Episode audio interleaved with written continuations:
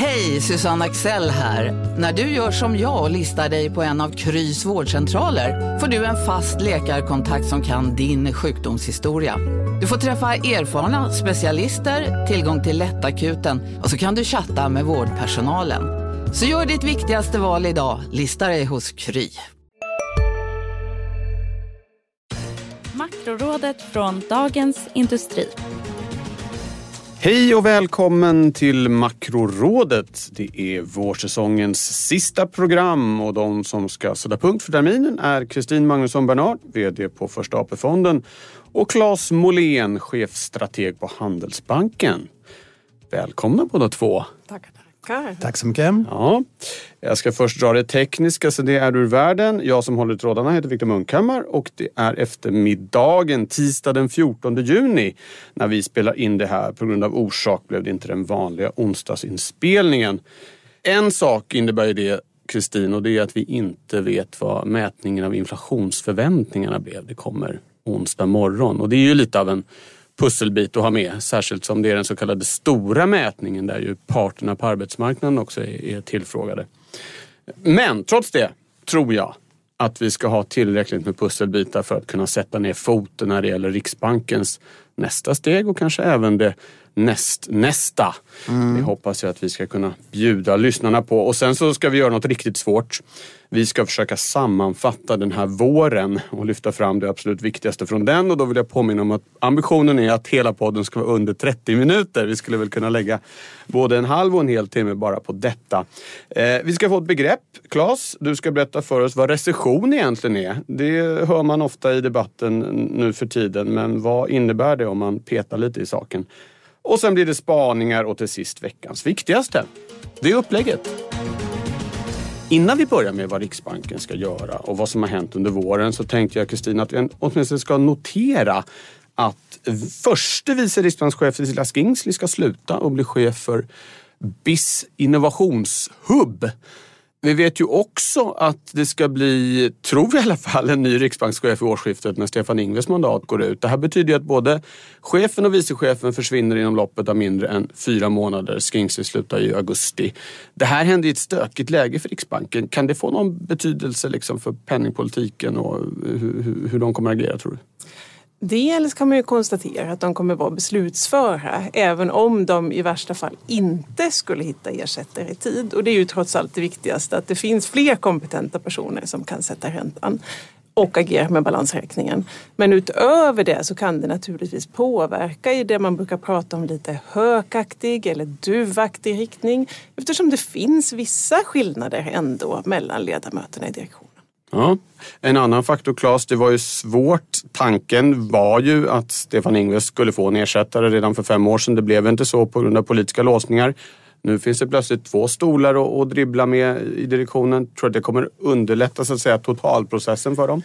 Ja, det, och en fråga där är det, finns det två stolar? För att den nya riksbankslagen som ju måste antas igen efter valet i september innebär att man går till fem stolar det har man ju flera år på sig att göra om man är sex ledamöter. Men jag funderar på, och utan att ha fått något bra svar, att vad händer om en ledamot blir, inte kan ansluta förrän efter årsskiftet och man är då fem och så skulle man bli en sjätte? Det, det är inte jag säker på. att När man... lagen väl har trätt i kraft menar du? Ja. ja, så att det skulle ju kunna bli så att man inte hinner tillsätta alla stolar och helt plötsligt blir det bara fem i direktionen redan från början av 2023. Det är ju ett snyggt sätt att lösa det om man har svårt att hitta en ersättare. Man väntar in den nya lagen och så plötsligt var problemet borta. Jag tror inte man formellt får vänta in den nya lagen. Man måste agera efter den existerande lagen men, men det kan ju bli så att det inte hinns med med tanke på det du nämnde. Fullmäktige har ju får vi säga, dragit benen efter sig ibland.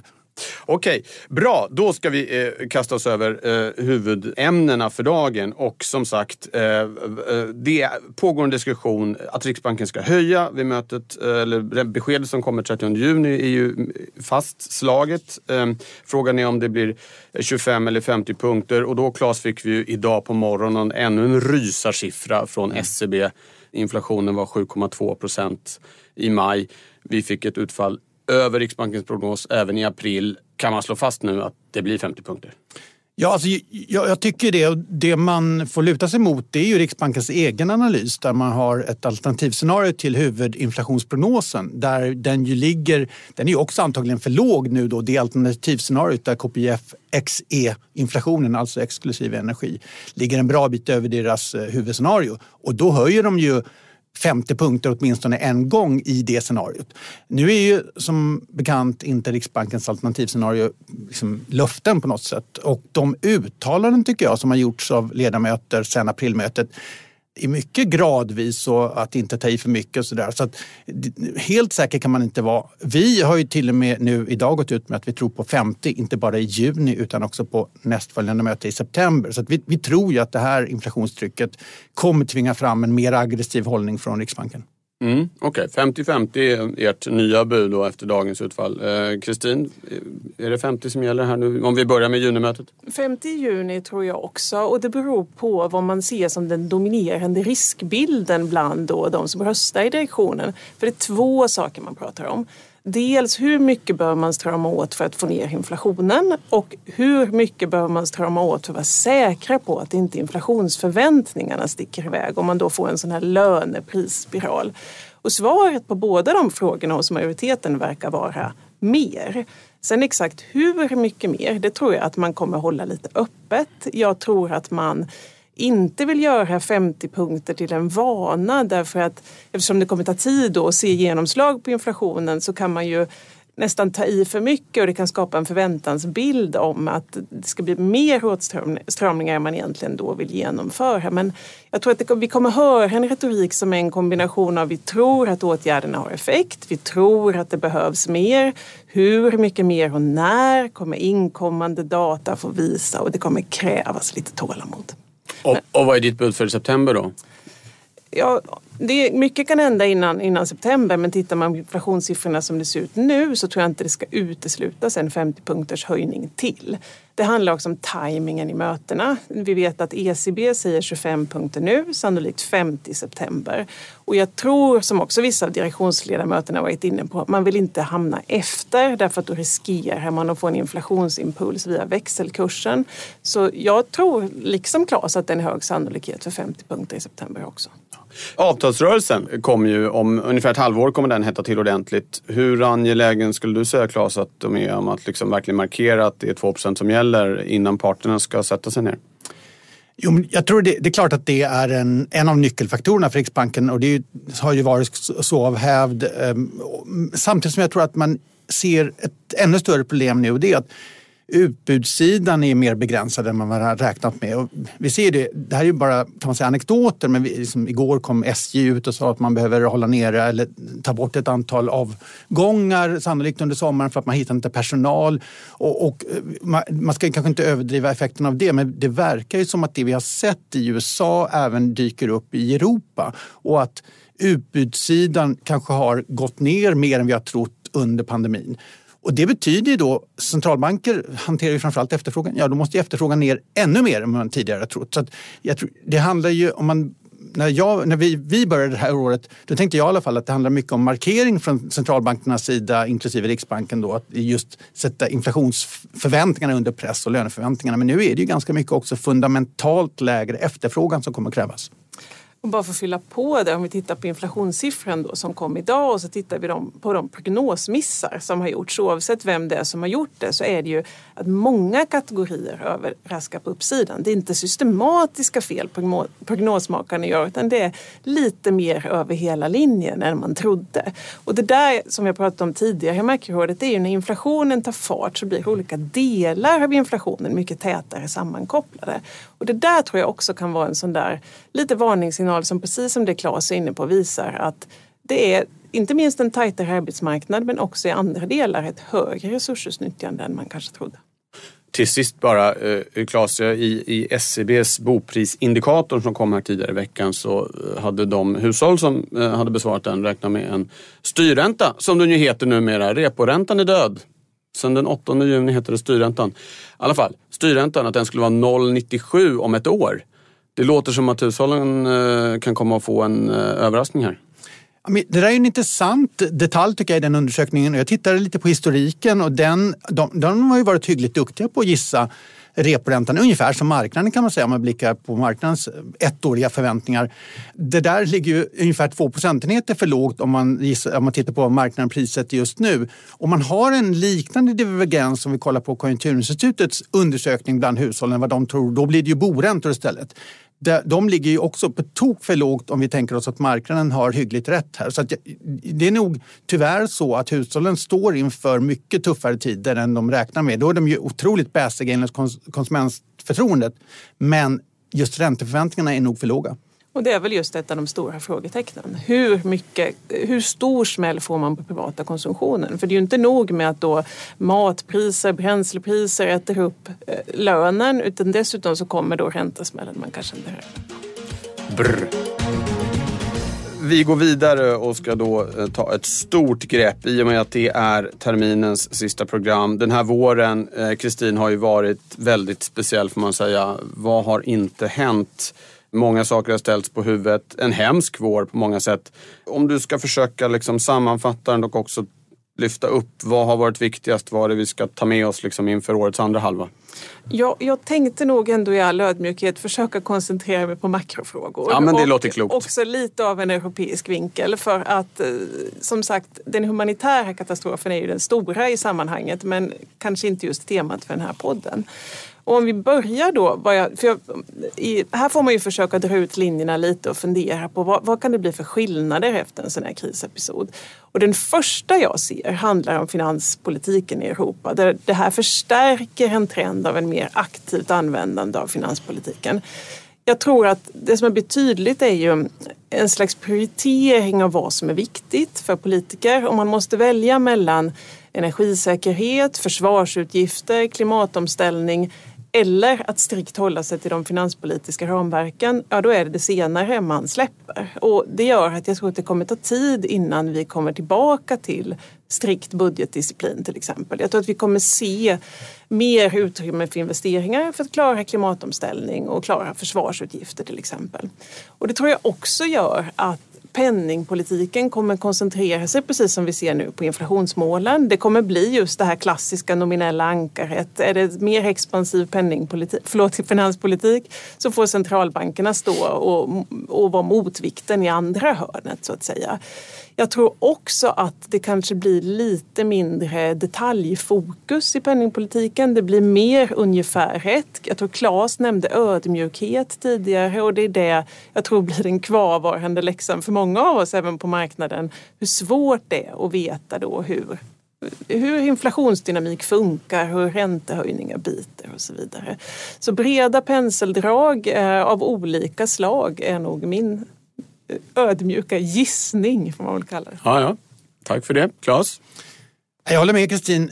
Om man vill, ska komplettera det där lite grann så tycker jag just alltså, skillnaden mellan finanspolitik och penningpolitik. Centralbanken slet ju under ett decennium med att få upp inflationen och den, den enda inflationen de fick upp var ju tillgångsinflationen egentligen. Finanspolitiken är ju ett annat svärd som är ju mycket kraftfullare när det handlar om realekonomin och även inflationen. Och det vi har sett under pandemin har ju fått enorma konsekvenser utan att utvärdera finanspolitiken eller för den delen liksom vad de folkvalda har gjort. Men liksom stänga ner samhällen, eh, kanske förstöra en del av utbudssidan då men också eh, framförallt den amerikanska finanspolitiken, den typen av extremt generösa bidrag som ändå har varit som ju är en nyckelpusselbit som jag ser det i alla fall för den inflation vi ser idag. Just liksom, möjligtvis också att man hos de folkvalda önskar då kanske en del eh, ödmjukhet där också. För, för nu är jag, jag är snarare rädd för att menar, det finns mycket finanspolitiken kan och bör göra men risken är att man hamnar i det här att som vi har varit inne på lite grann under våren även i Sverige. Att liksom det handlar om kompensation för oförutsedda utgifter för hushållen och det är ju inte särskilt produktivt. Så att här vill man ju se till att, man, att finanspolitiken, som det i alla fall brukade vara, den jobbar mer med utbudssidan, skapar incitament och eh, kan påverka produktiviteten på, på längre sikt och arbetskraftsdeltagandet och sådana faktorer som inte centralbanken styr över typiskt. Och centralbanken försöker rodda efterfrågan. Men men jag, jag tror att det är, ja, var det här landar är inte helt uppenbart just nu. Nej, och bara för att spinna vidare på den. Man ser ju, här kan man ju se saker som pekar i olika riktning. Det har pratats mycket om regionalisering till exempel och det är något jag tycker man definitivt ser. Alltifrån storföretag till incitament och för att investera mer lokalt. Det har varit både USA och Europa. Och det är klart, i det stora hela så behöver inte det här flytta nålen jättemycket men skillnaden kan ändå vara markant. Och det kan både leda till högre tillväxt i Europa till exempel om man får igång en ordentlig investeringscykel. Men det kan också som Claes pekar på bli en hel del som kanske mer klassisk överbudspolitik och inte leder till det utan mer bara inflationsimpulser. Så att det finns möjligheter men ganska många risker. Ja, och så tar vi med oss att vi har den högsta inflationen på 30 år också. Tänker jag. Det kan väl vara en sak att ta med från våren. Ja. Det har inte jag kollat på. Men det är så alltså? Eh, så är det. nu Claes, nästan lika diskuterat som inflation börjar det bli med recession. Nu. Mm. Två dåliga ting. Och du ska reda ut, vad menar man egentligen? Har du också valt att bli egen? Då är det viktigt att skaffa en bra företagsförsäkring. Hos oss är alla småföretag stora och inga frågor för små. Swedeas företagsförsäkring är anpassad för mindre företag och täcker även sånt som din hemförsäkring inte täcker. Gå in på swedea.se företag och jämför själv. Hej, Synoptik här. Hos oss får du hjälp med att ta hand om din ögonhälsa. Med vår synundersökning kan vi upptäcka både synförändringar och tecken på vanliga ögonsjukdomar. Boka tid på synoptik.se. egentligen med recession? Det betyder lite olika saker beroende på var man är i världen exempelvis. Ja, eh, och här är det ju det, inte bara var man är i världen utan också vem man frågar i den delen av världen. Jag tror att de flesta lyssnare är bekanta med den här definitionen som vi brukar kalla amerikansk. Två på varandra följande kvartal med sjunkande BNP, alltså negativ tillväxt. Den, eh, jag menar, det är många på marknaden som använder den, inte, inte minst när det gäller amerikansk tillväxt. Sen har man ju det här som ofta används, NBER i USA, organisationen som brukar definiera eh, recession. Eh, den är ju lite mer hemlig exakt hur de kommer fram till det och lite mer liksom bedömningsfaktor och sådär. Eh, och brukar inte alls alltid stämma överens med just de här två eh, kvartalen med sjunkande BNP. Och i Sverige brukade vi faktiskt definiera det som två kvartal med sjunkande industriproduktion om man går tillbaka tillräckligt länge, när industrin var en större del av, av ekonomin. Och att det är två kvartal, det handlar ju om att man kan ju få en väldigt stor chock ett visst kvartal. Det är ju inte en recession om det sen studsar tillbaka kvartalet efter, utan man vill ha någonting som är kontinuerlig nedgång. Jag tror att nu så, så kan det vara extra knepigt att definiera recession, i alla fall i bemärkelsen av att, att den verkligen får betydelse så att folk känner det. För att nu har vi så hög inflation. Och eftersom vi tänker på tillväxt i reala termer oftast så kan vi ha recession i real BNP men fortsatt ganska snabb uppgång i nominell BNP. Och det, eh, då kan man fundera så här, ta en restaurang till exempel som eh, ökar omsättningen men har inte fler gäster för de kan höja priserna. De kan ju fortfarande ha personal eh, och det kan ju till och med bli så att antal gäster sjunker något. Det vill säga BNP går ner då i reala termer men de ökar sin omsättning ändå i kronor och ören och kan hålla kvar personalen. Vilket ju innebär att arbetslösheten inte stiger. Så att här är frågan liksom bara hur, hur... Det är inte alls omöjligt att vi får Q, negativ tillväxt, BNP i reala termer i Sverige i Q2. Vi hade det i Q1. Då får vi en teknisk recession. Ganska osannolikt att det kommer synas på arbetsmarknaden som ju fortfarande är glödhet. Den kommer ju så småningom svalna. Men knappast om vi bara skulle få BNP-fall i, i Q2. Så att jag tror att det här tekniska kommer kanske inte vara riktigt lika intressant annat än bara rent temporärt och på marknaden. Men kanske inte så betydelsefullt för hur vi ska se på hela ekonomin inklusive arbetsmarknaden.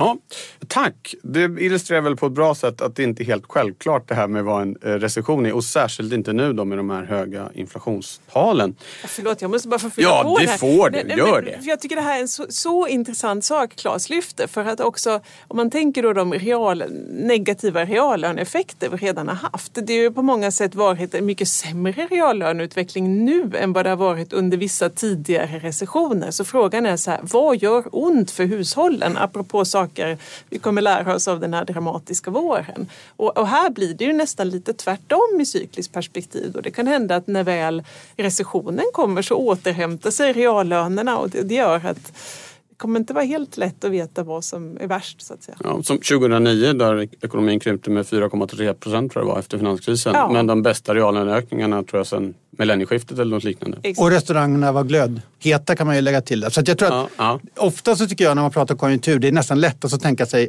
arbetsmarknaden. För Ja. det är det som, alltså är man arbetslös eller inte, det är den stora skillnaden för människor. Eh, sen om man får högre bensinpriser eller inte, det kan vara jobbigt men, men det är inte lika avgörande. Och bara för att spinna vidare då på vad vi tror inte händer. Vi får se om vi hinner spaningen. Jag vill ju offra den Viktor. Eftersom då till exempel banksystemet är i gott skick så får vi inte det som kallas en balansräkningsrecession som är det riktigt otäcka när då bankerna tvingas och dra ner på kreditgivning under en längre period och så vidare. Vilket blir långvarigt och plågsamt och djupgående. Så att ja, det kommer nog finnas perioder vi har tyckt var värre än den här eventuella recessionen. Ja, bra. Förlåt, nu- eftersom du, då måste jag också hoppa in. Jag hörde anekdotiskt, Claes, du jobbar ju på en bank, att i och med att det börjar bli lite kärvt på obligationsmarknaden, den har ju vuxit under lång tid och inte minst fastighetsbolag är ju, så att, att kreditansökningarna hos bankerna har ökat lite, att, att företag vänder sig tillbaka till det gamla sättet, så att man går till banken för att låna pengar eftersom det lite jobbigare på obligationsmarknaden. Är det någonting ni har märkt av? Det är ju intressant i så fall. Ja, men precis. Nu jobbar inte jag just med den delen. Nej, det vet jag, Så, men så att jag, det, det kommer ingen inside-information här. Men, men eh, absolut, och det är ju helt naturligt eh, när marknaden som det är just nu då torkar upp. Så, så ja, vi har ju också sett det motsatta under lång tid, inte minst fastighetssektorn som har gått till marknaden i mycket större Ja. omfattning än till banker. Så att den liksom, det där är ju lite kommunicerande kärl så det är på det sättet inte helt eh, märkligt att man ser viss återgång till bankfinansiering. Ja, nu har vi rätt ut begreppet recession på alla möjliga sätt här. Och Kristin, vi kastar oss över din eh, spaning som handlar om finansiell stabilitet. Är jag rätt ute då? Det är du. Ja, skönt. Eh, det var nämligen så att jag tänkte utgå från ett uttalande från riksbankschef Stefan Ingves vid ett anförande när han säger att finansiell stabilitet bör, bör ges en vikt, viss vikt i målfunktionen. Alltså man bör ta hänsyn till finansiell stabilitet när man utformar penningpolitiken. Det här är ju lite en nygammal tanke. Ibland är den inne, ibland är den ute. Det brukar uttryckas som att man lutar sig mot vinden. Det vill säga att man stramar åt lite mer med räntan om man till exempel tycker då att skulduppbyggnaden är för snabb och så vidare. Jag tror dels det kan handla om att försöka förbereda, inte för det nuvarande läget utan någonstans för nästa kris för att förhindra den. Men tänkte ändå försöka spana lite kring vad skulle det här kunna betyda? Tittar man på ECB till exempel så gör de då en slags finansiell stabilitetsöversyn två gånger per år som ska föda, födas in i de penningpolitiska besluten. Där tror jag mer det handlar om att man, om man stramar åt mycket med räntan till exempel och försöker skydda eh, vissa skuldsatta länder. Man uttrycker det som att penningpolitiken måste få ett stort genomslag. Så risken med det kan ju bli lite att man ger och tar samtidigt. Man stramar åt med räntan och så har man en expansiv balansräkningspolitik och då kanske man inte får ner inflationen som man har hoppats. Men jag tror också i ett läge där det till exempel är hög skuldsättning i privata hushåll så kan man ju tänka sig att man kanske inte kan höja räntan lika mycket som man hade tänkt för att man är rädd då för en sättning via bostadsmarknaden. Och då kanske man håller räntan högre under lite längre tid. Så det blir som en slags motsatsförhållande då till, ni kommer ihåg för inte så länge sedan pratade man om, kan man inte sänka räntan under noll, ja då håller man den på noll längre än man har tänkt sig. Och här blir det då tvärtom. Man kanske håller räntan högre lite längre. Okej, okay, Claes? Ja, Tankar men, om det? Ja, men det var, jag tycker det är en intressant tanke. Och man skulle ju, alltså, går man tillbaka till finanskrisen och framförallt i eftermälet där, då hade man gärna haft den här diskussionen, alltså, att kunna luta sig mot min, vinden, den fanns ju då och, och Ingves drev ju faktiskt den, får man ju ändå säga, fast fick ju sen backa ordentligt. Men det, jag, jag tycker bara som en påminnelse att man diskuterade ju ganska intensivt eh, eftersom vi fick en finanskris trots att inflationsmålen var uppfyllda. Att man behövde komplettera centralbankernas mål och sen så blev det inte så. Istället gick man bara all in på inflationsmålet och nu står vi här då med en ny kris kan man säga som ju delvis är en effekt av att man har haft ett ganska snävt mål egentligen. Så jag tror absolut på en komplettering men som, som du säger Kristin, det är svårt då att liksom, nu har man ju knappast problemet med att kommer få se uppbyggda skulder. De kommer inte växa så snabbt framöver kan vi gissa, i alla fall inte i privat sektor med tanke på ränteläget. Så att nu är det snarare frågan hur mycket kan man höja som du är inne på. Ja, Bra, det är väl någonting vi kommer kanske få svaret på om två, tre år eller något liknande. Kan man tänka sig det? Ja, ja, Okej. Okay. Claes, du ska prata om de riktiga inflationsförväntningarna. Ja, eh, riktiga illustrationstecken. Det finns ju många olika och vi har varit inne lite grann på det. Vi tänker ju oftast på inflationsförväntningarna där eh, samhällets aktörer svarar på vad de tror om KPI-inflationen eller KPIF då, beroende på frågeställning. Och det är ju det såklart som centralbanken eller Riksbanken har att hantera för det är ju det de är satta att eh, hålla på 2 procent. Eh, men, men, det är ju rätt tydligt nu att eh, jag, jag, tycker en del bedömare menar att det är viktigt att centralbanken kommer till positiv realränta och så pekar de på inflationen, hur hög den är och så vidare. Men det är ju ingen som har eller väldigt få i alla fall, som har KPI på intäktssidan utan hushållen eh, får ju snarare dubbel börda här när de, när de blir slagna först av hög inflation och sen dessutom höga räntor. Och sen får vi se då vad som händer med en annan typ av inflationsförväntan kan man säga, nämligen löneinflationen. Den har ju varit, precis som inflationen, låg under lång tid och förväntningarna om löner har, har varit låga. Så det, det, är också någonting vi kommer få svar på. Men jag var inne på det lite grann tidigare. Den, de inflation, den inflation som varit hög det är ju tillgångsinflationen. Och den har ju varit hög så pass länge att man kan tänka sig att inflationsförväntningarna när det gäller tillgångar så är den också antagligen väldigt hög. Och vi har ju flera generationer som har sett nästan evigt stigande börser, undantaget så några krascher såklart. Men kanske framförallt och viktigare då är ju bostadspriser. Som, jag tittade på det innan, innan jag gick hit, att eh, bostadspriser i Sverige har stigit ungefär med 67 procent både de senaste 10 åren och de senaste 20 åren. Så det tror jag, liksom, eftersom inflationsförväntningar tenderar att vara tillbakablickande så kanske det är där någonstans som boköpare förväntar sig att priserna ska stiga i genomsnitt. Och vi har ju som tur var inte så mycket boköpare som som, ser det som en ren investering men det finns säkert ett inslag av investering i det där. Det är lika bra att belåna sig lite mer så man får med sig den här medvinden av stigande priser. Och så tänker vi liksom just då på, för att med inflationsförväntningar vill vi också komma fram till realräntor vad är det för realränta boköpare möter? Ja, det är ju inte nödvändigtvis KPI-inflationen man ska deflatera med utan snarare förväntad boprisökning. Så säger vi att den är 6-7 procent och så har vi haft en boränta som har legat mellan ja, till och med under 2 i, i genomsnitt tror jag senaste 10 åren, men säg då 2-3 procent. Då har vi liksom en negativ realränta som är eh, ordentligt mycket mer negativ än den har varit mätt med, med KPI. Och det är här som vi kan få en ännu större omställning i realräntor än vi får då när vi tittar på deflaterat med inflationen. För att om vi nu får, som de flesta, inklusive jag förväntar mig, en sättning på bopriser. Hur påverkar det där förväntningarna framåt? Om boköpare inte längre ser en genomsnittlig ökningstakt av bopriser samtidigt som de ser stigande nominella räntor så blir det en ganska ordentlig realräntechock. Det låter också ruggigt. Kristin? Jag tror att det här är en högst relevant spaning därför att det för oss tillbaka till den stora frågan vid vilken ränta börjar egentligen ekonomin sakta in? Vad är det som är en åtstramande ränta? Och jag tror att det som är en åtstramande ränta för bostadsmarknaden är mycket lägre än för ekonomin som helhet. Och då kommer ju de här frågorna, är det samma människor då? Det, vi har ett stort bostadsägande i Sverige men sen blir det generationseffekter beroende på när man kom in, hur högt belånad man är och så vidare. Så är man, marginalköparen kommer ju på påverkas väldigt mycket av det här samtidigt som det finns stora grupper som har varit inne i bostadsmarknaden så pass länge att det kanske har en mindre effekt.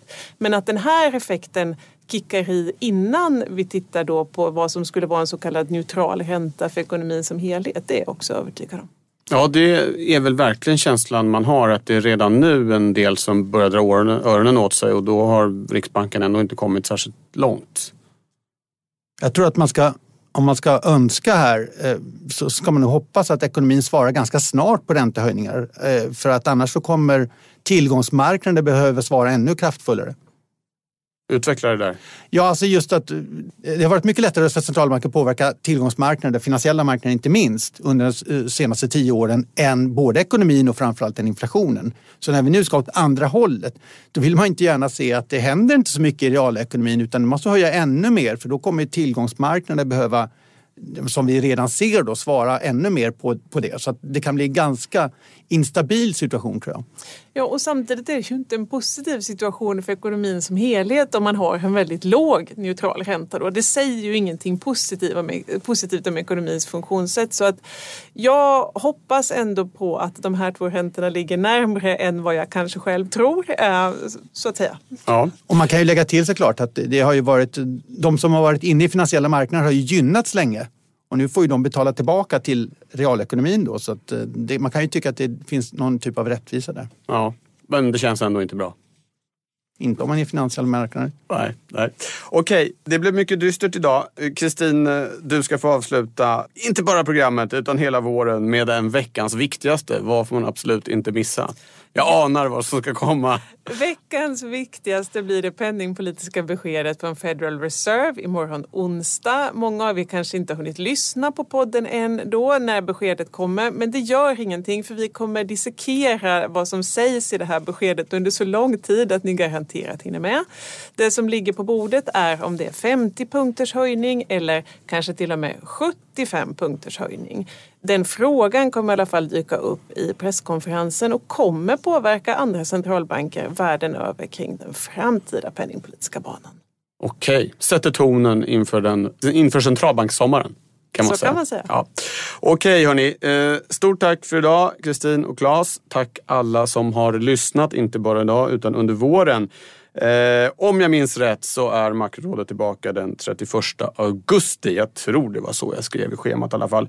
Ha trots allt vi har pratat om idag och allt som händer en skön sommar. Hej så länge! Makrorådet från Dagens Industri. Podden klipps av Umami Produktion. Ansvarig utgivare Peter Fällman. Varje vardag klockan sju uppdaterar Ditvs Morgonkoll dig om natten och morgonens viktigaste nyheter. Från börsstängningen i New York till läget i den asiatiska handeln. Och strax därefter kommer podden med samma namn. Prenumerera på Morgonkoll du också så är du uppdaterad inför varje ny arbetsdag. Morgonkoll finns där andra poddar finns.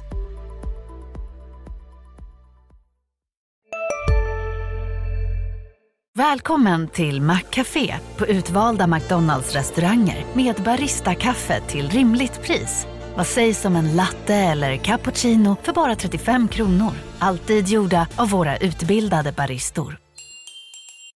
Ni är med om det största. Och det största är den minsta. Ni minns de första ögonblicken. Och den där blicken gör er starkare. Så starka att ni är ömtåliga. Men hittar trygghet i Sveriges populäraste barnförsäkring. Trygg Hansa. Trygghet för livet.